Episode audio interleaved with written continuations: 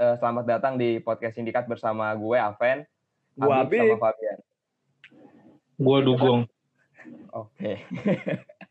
di podcast ini eh, kita bakal coba ngupas ya berbagai peristiwa atau isu menarik gitu khususnya yang berbau-bau misteri sih. Tapi tetap apa yang kita bahas itu tetap dalam koridor fakta lah intinya gitu. Pada pertama ini sih kami mau bicarain soal jejak Freemason di Indonesia. Hmm, mungkin banyak yang tahu ya Freemason itu apa, tapi kayaknya sih secara garis besar doang. Kayak gua mungkin sebelum gua baca-baca, gua taunya Freemason tuh sekte sesat lah. Oke, yang gitulah, yang ibaratnya kita ngelihat ngelihat atau menginisiasi atau mendaftarkan mereka tuh ya sesat lah gitu, nggak nggak bener gitu. Nah di sini eh, kita berusaha jabarin tuh sebenarnya Freemason ini apa sih dan emang beneran apa Freemason ada di Indonesia gitu. Awalnya kurang percaya sih. Nah tapi di sini kita coba jabarin deh. Kita coba cari tahu dulu nih arti atau Freemason itu apa gitu sebelum ke sangkut paut sama Indonesia gitu. Bib, Nih, nih Freemason kalau apaan sih Bib, kalau kalau dari pengetahuan lu gitu, dari riset-riset yang udah lu lakuin gitu. Freemason, menurut Christopher Columbus, Bukan. Bukan Christopher Columbus. Serius? Bukan. Emang emang. bukan aja Bukan. hot, hot app, anjing, aplikasi hot.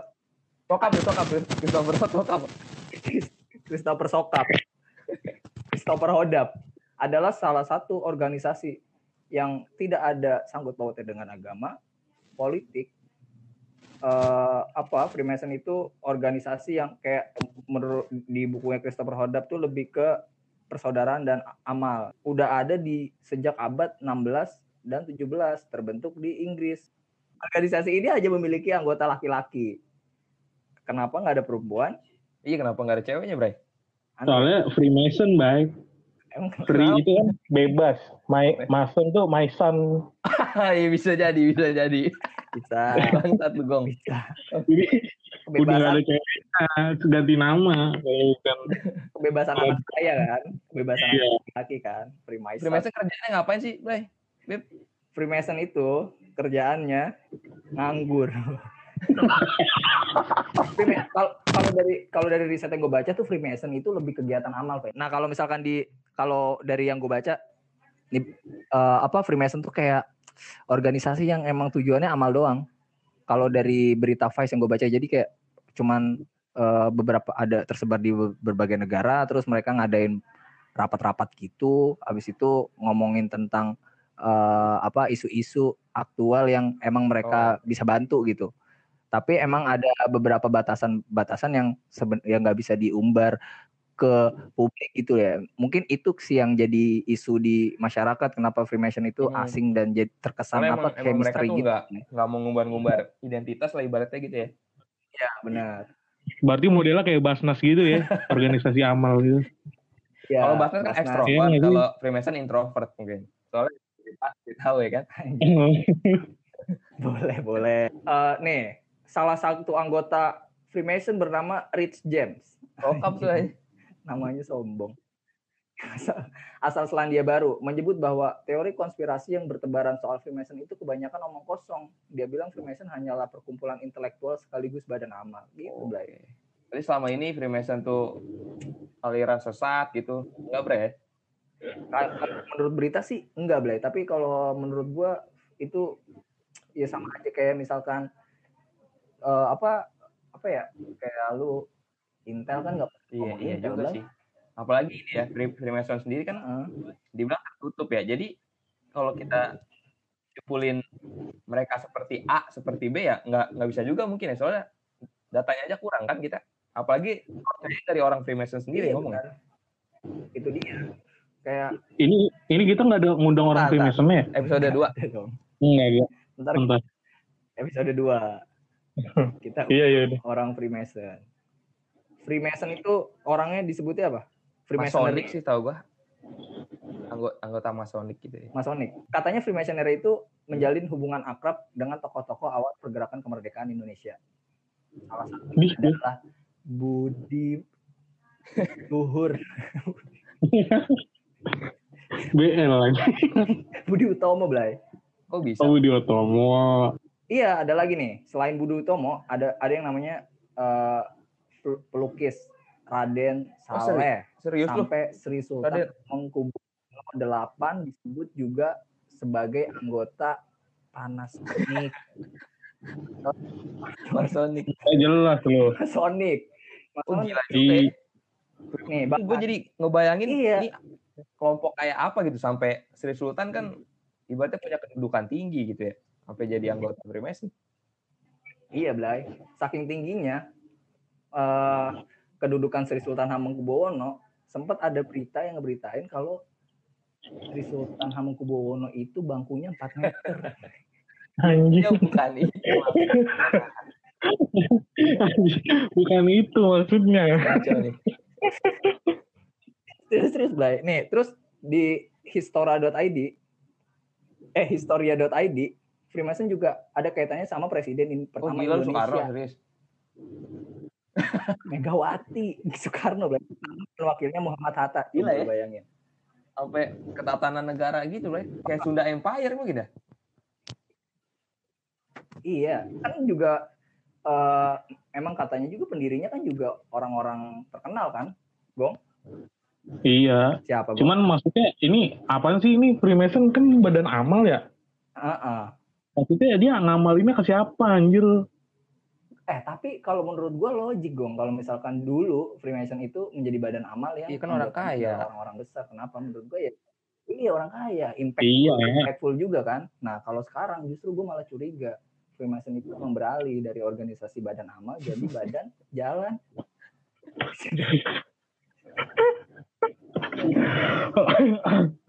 gitu, Blay.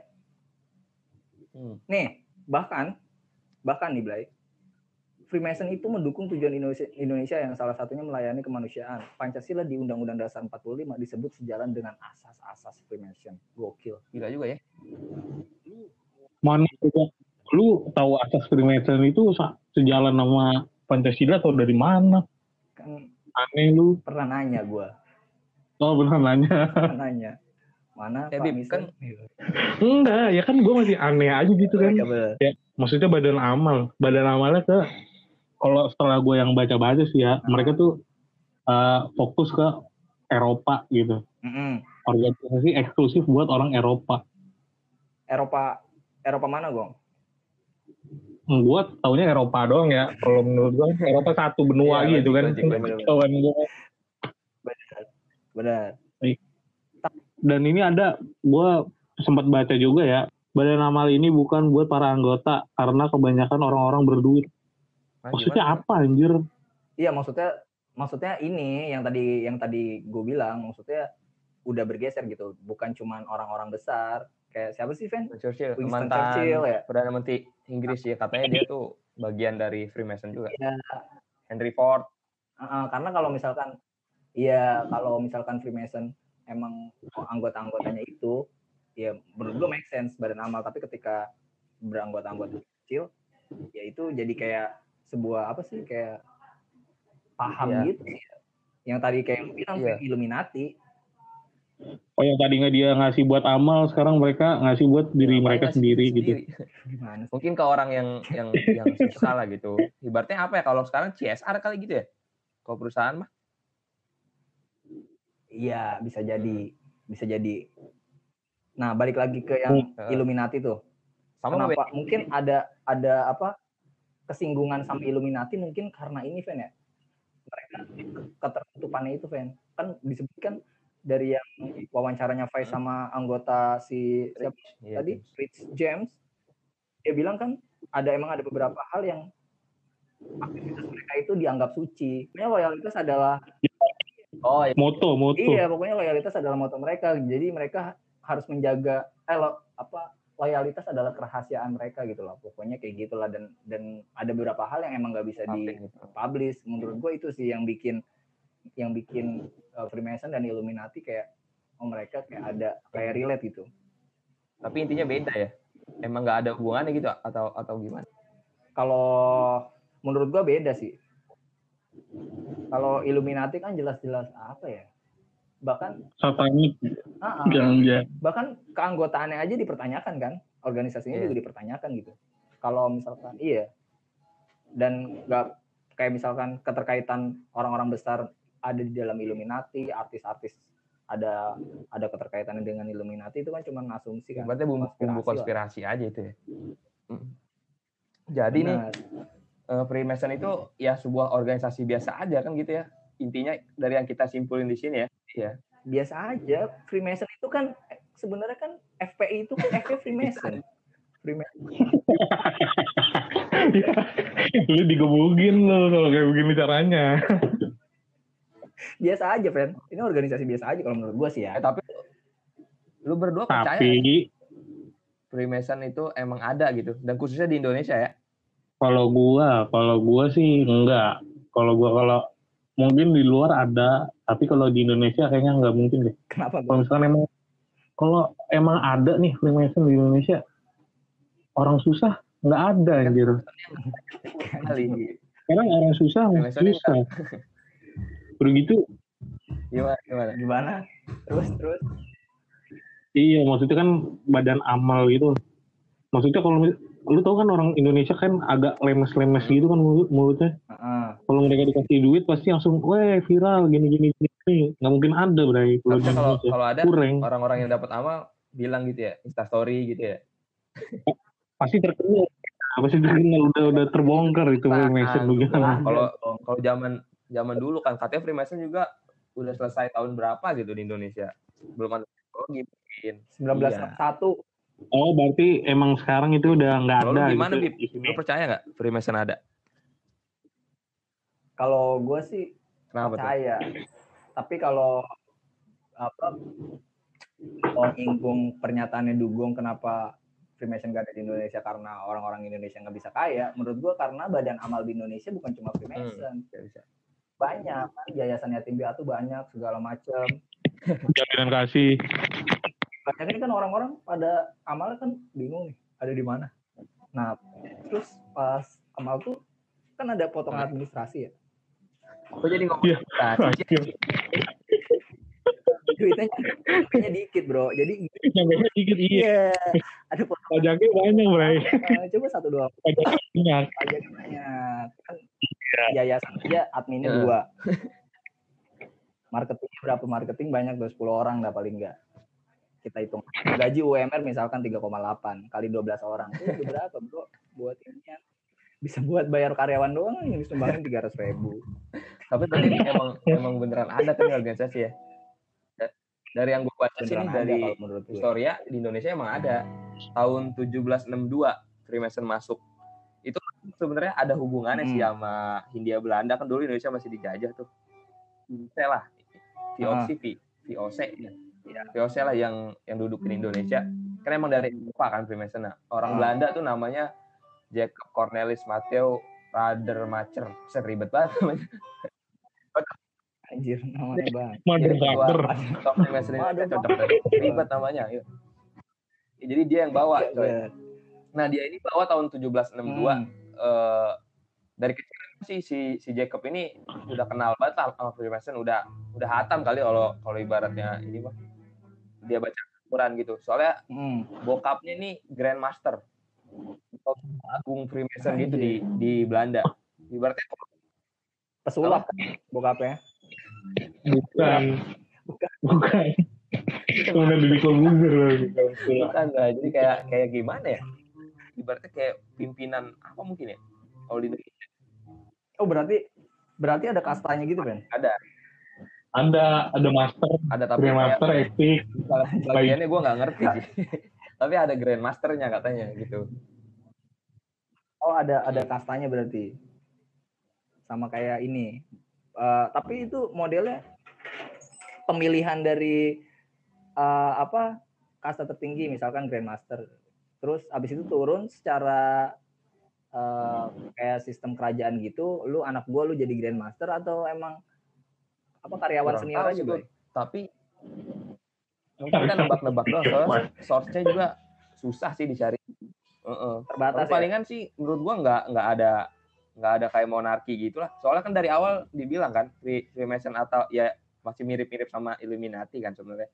Eh, bahwa mereka kan bikin Oh, apa sih, kadang-kadang bikin khawatir eh, para penguasa yang zaman dulu masih monarki gitu kan. Berarti seharusnya sih nggak bakal Ah. terapin sistem monarki juga lah dia ya kan ya harusnya mungkin emang orang yang bener-bener Iya. intelektual Berarti modelnya kayak komunitas gitu, Bray. Iya karena mereka juga mengaku sebagai Iya. kaum intelektual. kan. dari dari situ aja kita udah udah bisa nebak mungkin bahwa ya yang pantas aja gitu yang jadi pemimpin gitu mungkin Iya benar. nah kalau di Indonesia nih eh, Freemason tuh nyebar nanti biasanya dibilang logi logi Freemason tuh Eh, logi itu kayak apa ya sebutannya Apa kayak apa aja? Ibaratnya Oh, ini ada ada cabang-cabangnya gitu Bre. Iya, benteng itu kan. Gue waktu itu sempat nyari tahu logi arti logi itu kayak rumah Apa itu? pertahanan, Nah, benteng. secara gitu. filosofis itu mungkin tapi ibaratnya kayak Nah. cabang-cabang gitulah Heeh, ada di Cabang. mana-mana dia Ada cabang Cikande juga ada. Waduh. Cuman cabang pembantu KCP. kayak Alfamart ada cabangnya ya Ada, Bro. Nah, kalau awalnya detail kan, sebenarnya pakai gampang ya cabang. Freemason ada atau enggak. Lu cari cabang Illuminati, di sampingnya tuh cabang Freemason biasanya. Itu gitu aja. Logikanya, logikanya begitu ini apa aman. Ada lagi satu dua ada. Tapi kalau di Indonesia nih, katanya Freemason awalnya tuh diam-diam. Ibaratnya biasa lah ya kalau ada ideologi atau ajaran baru gitu pasti nyampainnya nggak terus terang lah gitu ya. Malu-malu gitu. Nah, Iya. di Indonesia juga gitu Freemason katanya. Karena petinggi VOC juga setengahnya nggak suka-suka banget gitu sama Freemason disebut anti masonik gitu. Mereka nggak nggak setuju sama gagasannya Freemason gitu. Nah tapi berselang mungkin berapa puluh tahun ya? 20 tahunan kayaknya. 17 80-an gitu Freemason tuh mulai go publik. Karena akhirnya tuh eselon-eselon atau pejabat VOC masuk itu salah satu itu si Johannes? Siebert dia menantu gubernur jenderal Alting gua nggak tahu sih jenderal mana itu pokoknya gitu aja gua bacanya sih gitu si Johannes Si- Siebert ini jadi salah satu tokoh yang akhirnya Freemason di Indonesia tuh terbuka gitu banyak yang tahu Oh. Tapi katanya ada peninggalan-peninggalannya, Fen.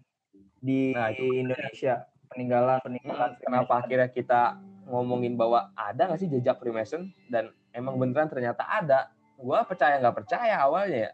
Kalau misalnya omongan doang itu Hmm. mungkin kita nggak percaya. Tapi ini jejaknya beneran ada loh gitu. Kayak Iya. misalnya simbol-simbolnya.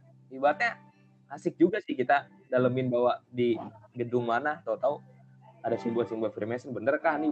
Di sini ada dulu misalnya sekte yang kayak gitu atau atau kayak gimana? Ada dan Nah, nih kalau di dikutip dari vice.com, gedung kimia farma atau disebut the stair in head oh, of the banget ya gedung gedung kimia. iya, gedung kimia farma ini di Jalan Budi Utomo, Budi Utomo, Jakarta. Jakarta itu disebut-sebut sebagai tempat perkumpulan Freemason. Karena citra Freemason di sini buruk. Itu gedung disebutnya Wah, gedung iya. setan, cuy. Nama aslinya Bintang Timur, didirikan 1842 di Jalan Freemasons. Iya Belanda dulu namanya jalan itu, Jalan Freemason atau Fritz Metzela. Wah. Gitu, Bla. Ada lagi gedung Bapenas atau dalam bahasa Belanda disebut Edahstad. Oh ini dekat kantor gua nih Di, di mana itu, Gong? di Setiabudi gitu, Oh, oh. lagi, Bray. Tapi emang ada ada lambang Freemason, Gong? Iya, gua agak tahu kenapa nyari Kirain lambang lu Freemason di situ. Itu masuk dong, lu mah. Ada apa? Ada apa lagi, Gong? Ya? Eh, ada Museum Taman Prasasti. Jadi, mungkin karena dulu Batavia itu jadi kota sentral Hindia Belanda. Iya, benar Ini berarti Freemason ini cikal, cikal bakal ormas gitu ya? Bisa jadi. Bisa jadi. Iya, Bray. Lu tahu tahu sendiri kan? Bisa jadi. Nih, Makanya di Jakarta itu awal. di museum itu juga di gerbangnya katanya tuh ada simbol-simbol masonik. apa tuh Bib Iya, eh, menemukan ada simbol tangan menggenggam palu, terus ada tangan apa kayak kepetok palu gitu, Blay. Ya, Asgard itu Thor itu. maksudnya apa itu tangan Asgard. Nah, tangan menggenggam palu itu menggambarkan wewenang Grandmaster Masonic di sebuah Nah, yang kayak gue bilang tadi tuh, Grand Grandmaster Grandmaster gitu. Jadi pengen jadi Grandmaster gue jadinya. kenapa? Megang palu. Kali lu mandor Jadi kuli. emang gitu. Katanya emang juga waktu Grandmaster waktu pengangkatan anggota emang mukul mata pakai palu sih. Berarti inget ya, yang mata mendelep itu anggota. Bisa jadi. Berarti kita kalau kebijakan, kita ketemu orang ah, matanya mendelep itu Bisa jadi, bisa jadi itu ada anggota Freemason. Ya kan? Tapi serius tuh cuman kayak di gerbang gitu doang. Soalnya yang di Taman Prasasti ini terkenal banget loh. Soal dia Heeh. jadi tempat Freemason gitu dulu ya. Iya, tapi eh, sekarang tapi selain di, heeh, di selain di gerbang ada simbol benda-benda yang menunjukkan jejak masonik di Museum Prasasti. Jadi banyak, bukan di gerbang doang, Bib. heeh. Lu nggak. Nah itu Gimana? ada. Gimana lagi emang? di mana? Di mana di mananya gue nggak tahu ya. Pokoknya di gerbang ada. Ini yang nulis artikelnya goblok. Ini, Bray. Ada sekumpulan simbol berupa kompas. Ini simbol paling terkenal soal Freemason. Biasanya simbol ini diikuti gambar segitiga bermata satu. Nah, padahal kan gambar segitiga bermata satu juga bisa jadi lambang. Iya makanya itu Illuminati kan, mungkin ada ada sangkut pautnya juga ya. Iya, kalau menurut gua mungkin dulu ya, Freemason itu ketika dibuat ada ini, Blay, ada apa petingginya tuh ada beda pendapat. Bisa jadi sih. Soalnya Illuminati muncul belakangan sih. Freemason duluan. Iya kan? Itu Ya, siapa tahu juga anak perusahaannya Nah, itu. bisa jadi Kayak ini ya. eh, kan sebenarnya Illuminati itu sebenarnya Illuminati tahu beres. Nanti itu mah nanti lah beres.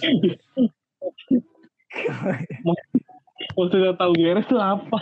anak perusahaan Garuda Ingat, anak perusahaan Garuda Blay kan ada Garuda tahu beres iya benar iya Blay itu yang Itu kalau kerja kelompok bayar doang tuh biasanya tuh. Yang kayak begitu tuh. Bayar makalah. iya aja Nah, ini lambang mata tuh bukannya main-main di di Freemason loh. Kita kan nganggepnya itu Illuminati, Hmm. Dajjal, mata satu gitu. Nah, kalau Iya. konsep dari Masonik mereka bilangnya bahwa itu Tuhan tuh ada dan mengawasi semua makhluk yang yang hidup. Kalau dipikir-pikir ini juga ya apa namanya? Baik juga gitu. oh filo Heeh. filosofinya itu kan bilang gitu bahwa Tuhan tuh maha mengawasi. tapi mungkin kar- apa jadi isu sensitif di masyarakat dan dianggap negatif karena uh, filosofi itu anggapan itu dibuat sebagai logo ya jadi kayak Tuhan punya represent sebuah gambar gitu yang nantinya malah maknanya Bisa jadi sih. Udah gitu mirip sama inilah ya kan apa tuh analogi dajjal kalau di kaum kaum muslim kan bilang mati satu kan iya benar benar benar benar benar ada berita lagi nggak gong Nggak ada kayaknya gue. nggak ada lagi lo berita lo ada Nggak ada gue. Udah nggak punya informasi lagi. museum prestasi itu masih banyak sebenarnya salah satu yang terbanyak. Eh, dan gue baca lambang-lambangnya juga kan di museum prestasi itu banyak ini ya kubur-kuburan gitu kan. Kuburan Soki kalau kita di di situ bukan sih? Hmm. iya. Hoki. di museum prasasti deh ada ininya nisannya. Tahu gue oh iya. Oh bulu Yang bulu tangkis itu, Bre. siapa? Lim Swee King itu mah. Itu ah gila lu gue pokoknya kalau ada nama-nama Cina gue di Indonesia tahunya bulu Oh, tangkis. itu ini Apa? toko pergerakan gitu. Emang orang orang iya Tionghoa gitu. Nah jadi di nisan-nisan di museum taman prestasi tuh banyak lambang-lambang juga. Salah satu ini di kuburan J Kohler. Gue nggak tahu sih J-nya apa tuh. Yang penting pokoknya J Kohler ya nama ini. Kayaknya orang orang Jerman kali ya? Atau Kohler? Kohler tuh Koh itu kan sebenarnya Kohler itu kan dari ini Blay. Orang Cina awal peler kan. Harus di podcast harus masuk di podcast jadi gitu baik iya ada lambang apa? Iya, Ouroboros ada lambang yang disebut tuh Ouroboros itu atau ular. Semacam ular atau naga gitulah. Intinya kayak hewan berbentuk panjang gitu. Dia makan ekornya sendiri. Heeh. nah katanya itu melambangkan bahwa lingkaran abadi alam gitu bahwa ya semua semua hal gitu di di dunia gitu berputar reinkarnasi kayaknya Freemason ini penuh dengan simbol-simbol yang apa ya yang kayak filosofis, filosofis gitu ya ya anak indie kayak ini filo Freemason nih Tapi iya benar tapi masuk akal, Bray. akal? Nggak masuk akal. Maksudnya ular yang memakan ekornya sendiri. Itu ular kalau memakan ekornya sendiri itu menurut biologi karena mereka udah nggak ada makanan, Bray. Oh, benar-benar. Tapi itu kelaparan banget. dong, Berarti kalau nggak mungkin tuh ular memakan palanya sendiri. Karena kalau ekor masih bisa. Iya nggak? iya iya juga sih. Tapi secara filosofis nggak masuk akal lah. Kalau digabungin sama ilmu yang sudah ada nggak gitu. ilmu eksak. Kat- Freemason Udah iya bang jangan marah-marah. Semua. Ada, yang mau nambahin lagi nggak soal Freemason tuh di Indonesia jejaknya kayak kayak gimana? Kalau Mm. sekarang, kalau sekarang menurut gue udah udah udah nggak ada event.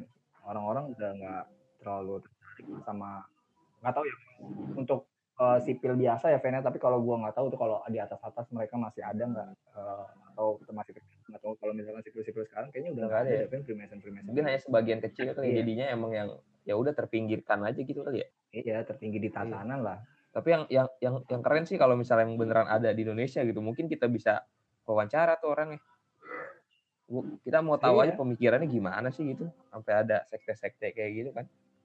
Menyisikan politik agama. Tapi di Indonesia sendiri Freemason sebenarnya jadi isu yang menarik kan, banyak banyak banget web apa blog atau website gitu yang ngebahas Salah Freemason, satunya kan? podcast sindikat sih. Yoi. Sebenarnya podcast sindikat ini kita mau sama kayak Freemason juga. Ya, cuman gimana kan Nah, kalau Freemason orang-orang kaya ya, kalau kita orang susah kumpulannya. kaum ekonomi lemah. Kalau ekonomi lemah, Iya. atau punya uang. Clear ya nih bahwa Freemason emang ada di dunia dan di Indonesia tuh emang pernah ada gitu. Soalnya Bung Bung Hatta tuh pas Iya. yang dihubungin anggota Freemason dia balas suratnya dan dia nulis emang bener-bener terima kasih kepada Freemason gitulah intinya. Resonansi Freemason. Jadi emang ya dianggap dong orang kalau sampai di- ditulis gitu di surat Freemason. Iya. Oh iya. bilang kayak Keren gitu. juga. ya berarti Mantap, clear ya? ada ya? Berarti iya. Udah Kalau ada, gua ada, tapi sekarang sih kayaknya udah udah Ya, punah kalau kita samperin tuh kayak gedung-gedung ya ini kan kita podcast mungkin kita bikin blog gitu kali nanti ya blog blog maksudnya bisa blog. jadi Iya, dokumenter gitu untuk kan. orang yang mendengarkan podcast ini, jika kalian merasa anggota Freemason, bisa menghubungi KP. Iya. Bisa nge di DM Instagram BNN. Jangan, nggak ada hubungannya. Oke lah baik. nih Kesimpulannya gimana, Kesimpulannya Ben? berarti ya kayak tadi gue bilang sebenarnya ada nih Ya. eh, apa tuh sekte-sekte atau kelompok-kelompok yang yang kayak gini gitu mungkin yang bukan Freemason juga ada gitu karena gue sempat dengar kayak kaum Yahudi gitu ini bukan dalam tanda kutip jelek gitu ya yang agama Yahudi mungkin belum Ya. disahin kan di Indonesia ternyata ada katanya gitu Ya. tapi mereka agak tertutup maksud Nah. gua ya ini bukti bahwa banyak organisasi-organisasi yang yang terselubung misteri gitu di dunia ini termasuk di Indonesia gitu sih kalau kalau menurut gua Kalau kalau menurut gua ya Freemason ada sekalipun memang masih ada ya nggak masalah lah. Toh memang eh, rekam jejaknya dia belum ada yang merugikan orang lah ya. Karena konsepnya tuh badan amal sekalipun mereka terbuka juga menurut gua nggak masalah sih, Iya, ya kan? Daripada terdaftar habis itu ngacak-ngacak itu beda kita tidak boleh nyebut beda. tidak boleh Itu free, Freemason. Freemason Freemason. bener mesen tapi nggak mau bayar ya Iya, Iya. pesan, pesan gratis. Bener. Mesin gratis. kalau menurut lu gimana gong kesimpulannya gong Kalau menurut gua kesimpulannya, ya sama. Gue mau bikin kesimpulan gimana. Pokoknya intinya, Gua mau bikin kesimpulan. nah, ya iya kalau kan gimana ya? Ya udah gitu deh. Oke baik. Udah Oke baik. Durasinya langsung, Ben. udah udah mau habis juga nih mungkin eh, kita akhiri di sinilah eh, episode 1 soal jejak Freemason di Indonesia. Eh, tungguin terus eh, podcast-podcast kita selanjutnya gitu. rencananya rencananya podcast ini bakal ada berapa segmen Ven? Sampai sekarang sih Serius ada lagi? ada kita Jadi- mikirnya tiga sih. Freemason lagi. Karena kita kan bertiga nih. Jadi gua ya ya masing-masing kita punya ini sendiri lah, punya apa yang mau dibahas gitu ibaratnya. Ya udah oke lah nih podcast kita selesai di sini ya. Oh sampai jumpa di podcast.